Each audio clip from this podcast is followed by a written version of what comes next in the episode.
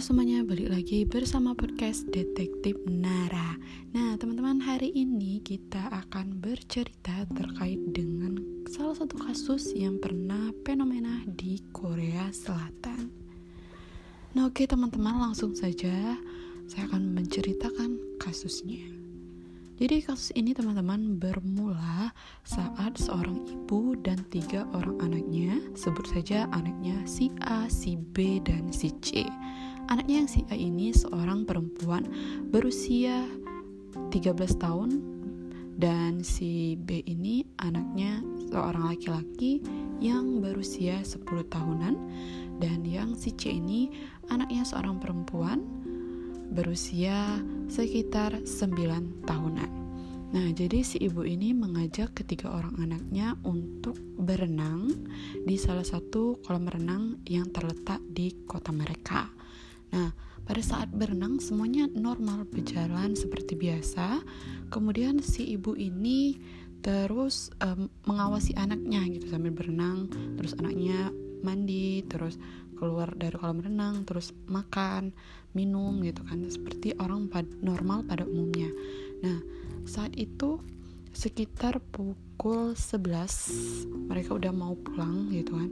Terus ibunya ini mencari-cari anaknya yang si C tadi anak yang berusia 9 tahun ini belum muncul-muncul. Karena waktu sudah siang hari jadi ibunya ini kayak ayo pulang hari sudah siang. Berenangnya sudah selesai gitu kan. Kalau anak-anak kan biasanya kalau main di dalam air lama banget dan nggak mau pulang-pulang gitu kan. Jadi si kakak-kakaknya si A dan si B ini sudah rapi mereka sudah mandi jadi mereka sudah siap pulang. Dan anaknya yang si C ini kayak mana gitu nggak nongol-nongol anaknya ini ibunya pikir mungkin anaknya masih berenang. Padahal tadi waktu terakhir kali ibunya mengawasi anaknya masih ada di kolam yang di depan ibunya. Jadi ibunya ini duduk sambil mengawasi anak-anak mereka berenang.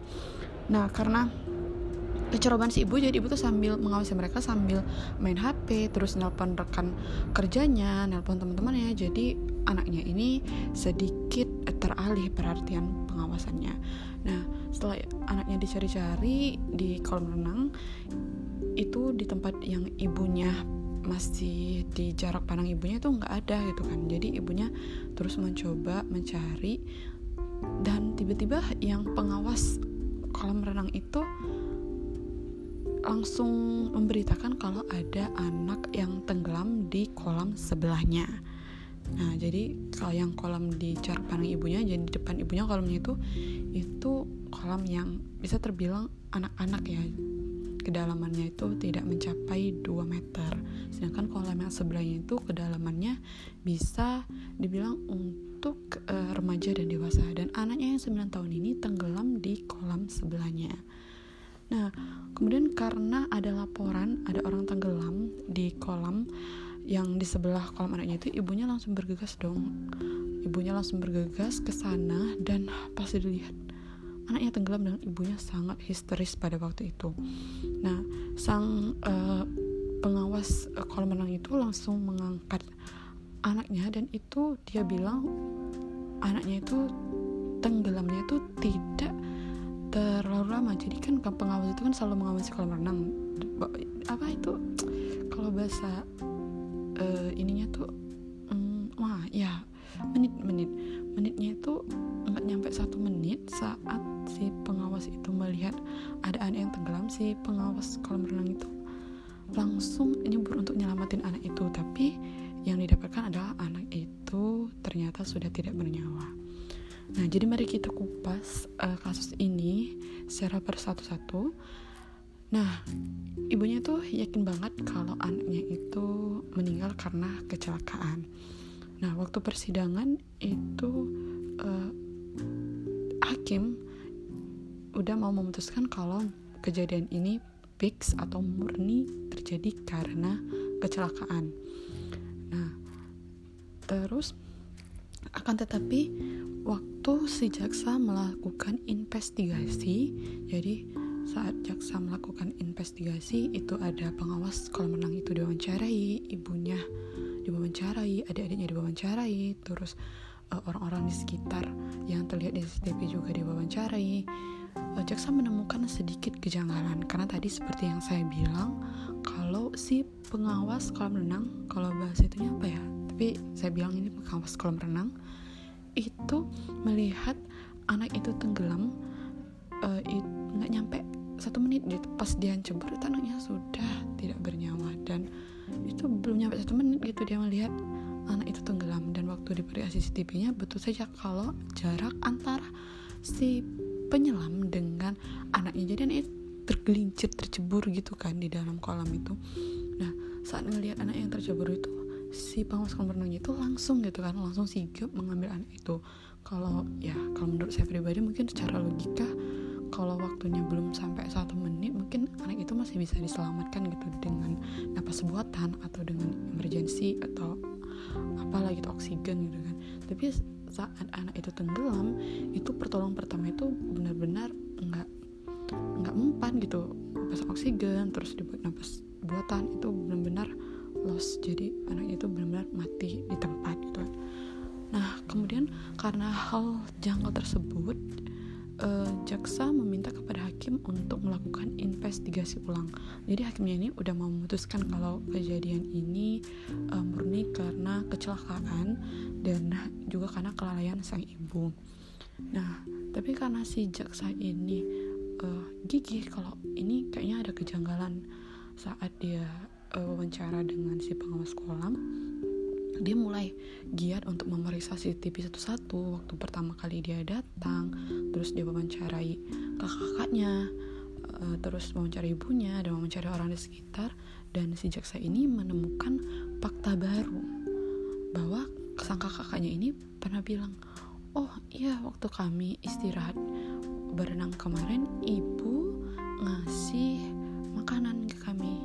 Nah saat dicek makanan jadi mereka makan semua kan bertiga dan uh, dan itu cuman berapa piring dan kakak dan ibunya juga makan semua di piring itu jadi ngambil sendok ngambil sendok itu kayak makan bersama gitu dan mereka tidak terjadi apa-apa. Terus yang bikin jaksanya itu curiga adalah saat si kakak yang nomor dua ini ngelihat si ibunya memberikan memberikan minuman kepada adiknya. Jadi yang si C ini dia dikasih minuman kayak yogurt gitu kan. Terus si kakaknya ini pernah bilang kok aku nggak dikasih? Kok kakak nggak dikasih? Kenapa cuma adik yang dikasih? Gitu kan.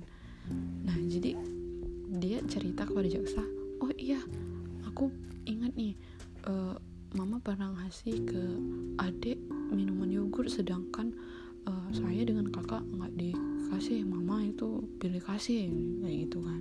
Nah si jaksa makin curiga nih mungkin anaknya yang nomor tiga itu meninggal karena keracunan makanan.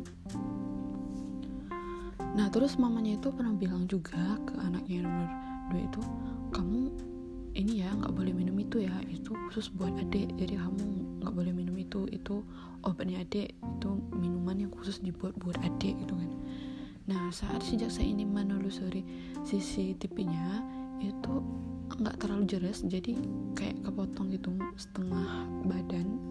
Dan itu terlihat ibunya memberikan minuman ke anaknya yang nomor tiga itu. Tapi dia CCTV-nya itu uh, kelihatan setengah tapi masih nampak gitu ibu dan anaknya itu ngasih jadi nggak full gitu loh. Jadi dia tuh ngasihnya tuh di tempat yang uh, tidak terjangkau CCTV tapi ternyata waktu itu mereka masih kelihatan di CCTV walaupun tidak secara full. Jadi mereka kayak setengah kamil tapi masih kelihatan kalau ibunya tuh ngasih minuman ke si anak. Nah terus sejak saya ini melakukan wawancara lagi kepada uh, si pengawas uh, kolam renang itu dan ditanya waktu kamu uh, nolong si anak pertolongan pertama itu keadaannya gimana terus si pengawas kolam renang ini bilang oh iya pak saya baru ingat. Saya tuh agak rada curiga ya pak kalau anak ini mati tenggelam. Karena waktu saya melakukan napas buatan kalau orang tenggelam itu kan biasanya keluar air. Walaupun sedikit ya keluar gitu karena ada air yang masuk ke dalam tubuhnya.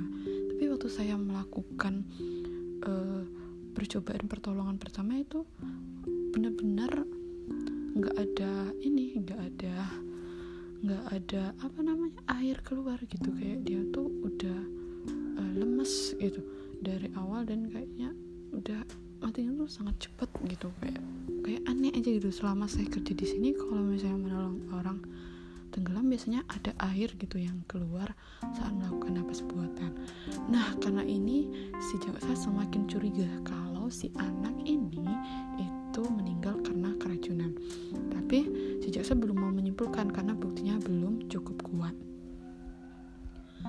si jaksa ini mulai curiga nih kepada ibu si anak tadi. Dilakukan lagi investigasi dan wawancara terhadap ibu. Ibunya kayak orang yang sangat-sangat menyesal gitu kayak kehilangan anak yang benar-benar sakit. Dia bilang saya sangat sedih ini karena kesalahan saya ini karena kelalaian saya tidak bisa mengawasi anak saya. Pokoknya banyak dia uh, mengungkapkan penyesalannya dan lain sebagainya macamnya. Dan jaksa um, semakin curiga dengan si ibu karena um, kalau orang yang kehilangan itu biasanya ya kayak gimana ya kelihatan gitu dukanya kalau ibu ini kayak terlihat seperti um, menyedih-nyedihkan keadaan gitu. Kayak seolah-olah ingin uh, membuat si jaksa ini percaya dengan kata-katanya. Nah karena hal itu si jaksa mulai investigasi ke orang terdekat ibu ini. Nah yang pertama itu adalah uh, orang tua dari ibu ini jadi nenek dari si korban. Nah saat diwawancarai nenek si korban ini uh, mereka bilang kalau mereka sudah lost kontak dengan ibunya jadi ibunya ini sudah tidak berhubungan lagi dengan nenek si C atau ibu orang tua atau ibu bapak kandungnya. Jadi mereka udah nggak tahu apa-apa lagi terkait dengan kehidupan si anaknya ini atau si ibu korban ini. Nah karena tidak mendapatkan apa-apa dari orang tua sang ibu dari anak korban ini si jaksa memulai investigasi lagi dengan menanyai mantan suaminya atau bapak kandung dari si korban ini si anaknya yang nomor C ini. Nah saat ditanya si bapak bilang uh, ditanyain kan oh iya saya sangat menyesalkan kejadian ini katanya kan. Dulu saya ingin bertemu dengan anak saya saja tidak diperbolehkan. Dan itu benar-benar menjadi hal tersakit dalam hidup saya saat mengetahui kalau anak saya sudah meninggal dan saya baru bisa menemui anak saya lagi setelah perceraian ketika anak saya sudah meninggal. Jadi bapaknya tuh kayak kesal gitu. Tapi Pak Jaksa dia bilang saya agak curiga dengan istri saya ini. Karena uh, dia bilang kan uh, uh, apa akhir-akhir ini setelah kami pisah dia itu sering uh, meminta yang hal-hal yang aneh kepada saya. Dia uh, meminta uh, uang untuk pengobatan si C terus minta uang segala macam. Pokoknya yang uh, kalau uang untuk saku tuh biasanya saya ngirimkan sendiri gitu. uh, uh, dia sering ngomong kayak gitu kan. Nah si Pak Jaksa ini awalnya curiga sama bapak itu tapi setelah ditelusuri ternyata benar bapak itu sering ngirim uang untuk keperluan si C itu. Listnya itu ada untuk obat-obatan terus ada untuk pendidikan dan lain sebagai macamnya. Dan bapaknya bilang kalau ibunya ini sering meminta uang untuk obat-obatan.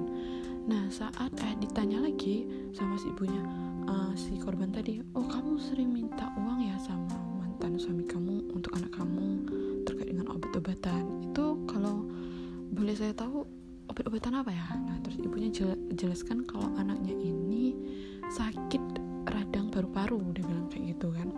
Nah si jaksa iya iya aja. Terus di mana kamu berobat? Dia bilang di klinik ini.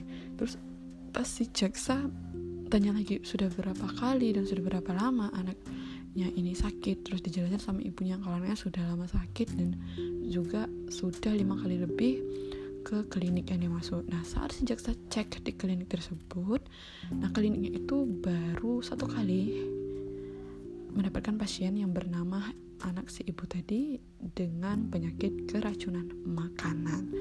Nah, jadi sejak saya ini makin curiga dan makin kuat hipotesisnya kalau si anak keracunan makanan. Nah, terus si jaksa ini investigasi lagi itu nanyain uh, teman terdekatnya si ibu ini. Nah, saat datang ke rumah teman terdekatnya itu, yang ngebukain adalah suami dari teman terdekatnya ini. terus suaminya bingung kok ada ini orang yang mau bertanya atau wawancara saya terkait dengan kasus uh, teman dari istrinya gitu kan terus saat saya tanya di mana soal istri kamu bolehkah saya bertanya terkait dengan kasus ibu ini dan anak yang barusan tenggelam nah si suaminya ini bilang istri saya sudah meninggal kurang lebih lima bulan yang lalu pak. Dia bilang gitu. Tetapi di he, di penjelasan ibu tuh tadi kalau dia sering uh, masih sering berhubungan dengan uh, istri dari suami ini. Jadi kayak makin curiga makin ada apa sih sebenarnya ini. Terus si suami itu menjelaskan kalau istrinya sudah lima kurang lebih lima bulan itu sudah meninggal. Dan yang dia aneh gitu kan. Ya memang benar. Katanya kalau si ibu itu teman baik istri saya. Tapi dia bilang ketika istri saya sudah meninggal saya sudah tidak berhubungan lagi dengan si ibu itu. Dan saya aneh kenapa si ibu itu bilang masih berhubungan dengan istri saya padahal istri saya ini jelas-jelas sudah meninggal dan saya menyaksikan sendiri dengan mata kepala saya mayatnya gitu kan. Dan saat pemakamannya. Dan si bapak jaksa ini semakin curiga dong sama si ibu. Nah terus uh, si suami dari temannya si ibu ini bilang um, saya agak curiga ya pak jaksa. Soalnya sewaktu uh, istri saya meninggal itu um, asuransinya itu tidak saya dapatkan. Yang dapat itu malah si ibu itu kayak gitu. Saya juga tidak tahu ya kenapa alasannya tapi saat si mendiang istri saya menulis surat wasiat itu dan waktu pendaftaran asuransi itu yang tertera untuk pengambilan asuransi ya si ibu itu. Nah jadi teman-teman si ibu ini telah merencanakan sebelumnya kalau si ibu kayak mendaftarkan asuransi temannya. Ya ini biar aku aja yang daftarkan asuransinya gitu kan. Biar mudah biar cepet nah ternyata yang ter tertera di situ bahwa penerima asuransi apabila ada kecelakaan atau ada sesuatu dengan si teman ini ya si ibu itu gitu kan. Jadi ibu ini tuh sudah merencanakan semuanya dari awal. Dan Pak Jaksa kemudian nanya oh kalau boleh saya tahu itu penyebab kematian istri anda apa ya? Nah si, si suaminya ini bilang keracunan makanan pak. Waktu itu kita pesta-pesta dan ada si ibu itu juga kita lagi pesta rame-rame gitu kan. Terus tiba-tiba istri saya itu keracunan kue. Padahal selama saya mengenal dia dia tuh gak punya alergi makanan apa-apa gitu kan. Dan penyakitnya juga waktu diperiksa juga nggak ada apa-apa. Saya juga bingung itu. Tapi saya uh, nggak nggak terlalu mencurigai si ibu itu karena ya mungkin saya mungkin yang kurang tahu. Istri saya mungkin di varian uh, kue itu ada sesuatu yang istri alergi gitu kan tapi saya sebenarnya walaupun gak terlalu curiga sama ibu itu saya sangat kesel gitu kan. Kenapa itu semua asuran uang asuransi istri saya diambil sama dia dan saya tidak dapat satu pun gitu kan terkait asuransi itu. Tapi saya sudah mengikhlaskan istri saya begitu kan. Dan yang sudah sudahlah gitu. Dan waktu melakukan otopsi juga istri saya uh, real atau bisa bilang positif terkena keracunan makanan saya tidak bisa berbuat apa-apa? Jadi kata suaminya itu dengan muka yang sangat sedih gitu kan. Nah mendengar penjelasan dari uh, suami temannya ini si jaksa akhirnya pulang. Dan si jaksa balik lagi nih ke ibu wawancara ya ke ibu ya tadi untuk wawancara. Dan saat wawancara terakhir dengan sang ibu sang jaksa mulai menemui banyak kejanggalan dari sang ibu. Dan si jaksa sudah menyelidiki dari asuransi si anak terus uh, perjalanan si anak dan banyak sekali bukti-bukti dari kalau si ibu ini ingin membunuh anaknya karena uang asuransi. Jadi kan uang asuransinya itu didaftarin eh, enam bulan sebelum kejadian anaknya meninggal itu. Jadi temannya itu lima bulan dan anaknya itu bulan ke-6 jadi ibunya tuh banyak banget dapat uang dari asuransi. Nah karena telah terbukti itu dan bukti dari jaksa ini kuat dilakukan eh, sidang akhir. Nah jadi dinyatakan kalau ibunya ini bersalah telah membunuh anaknya. Jadi gitu. Nah untuk itu teman-teman mungkin teman-teman bingung oh di mana jaksanya itu tahu kalau misalnya dia keracunan makanan dan diracuni ibunya mungkin saja anaknya benar-benar alergi gitu kan.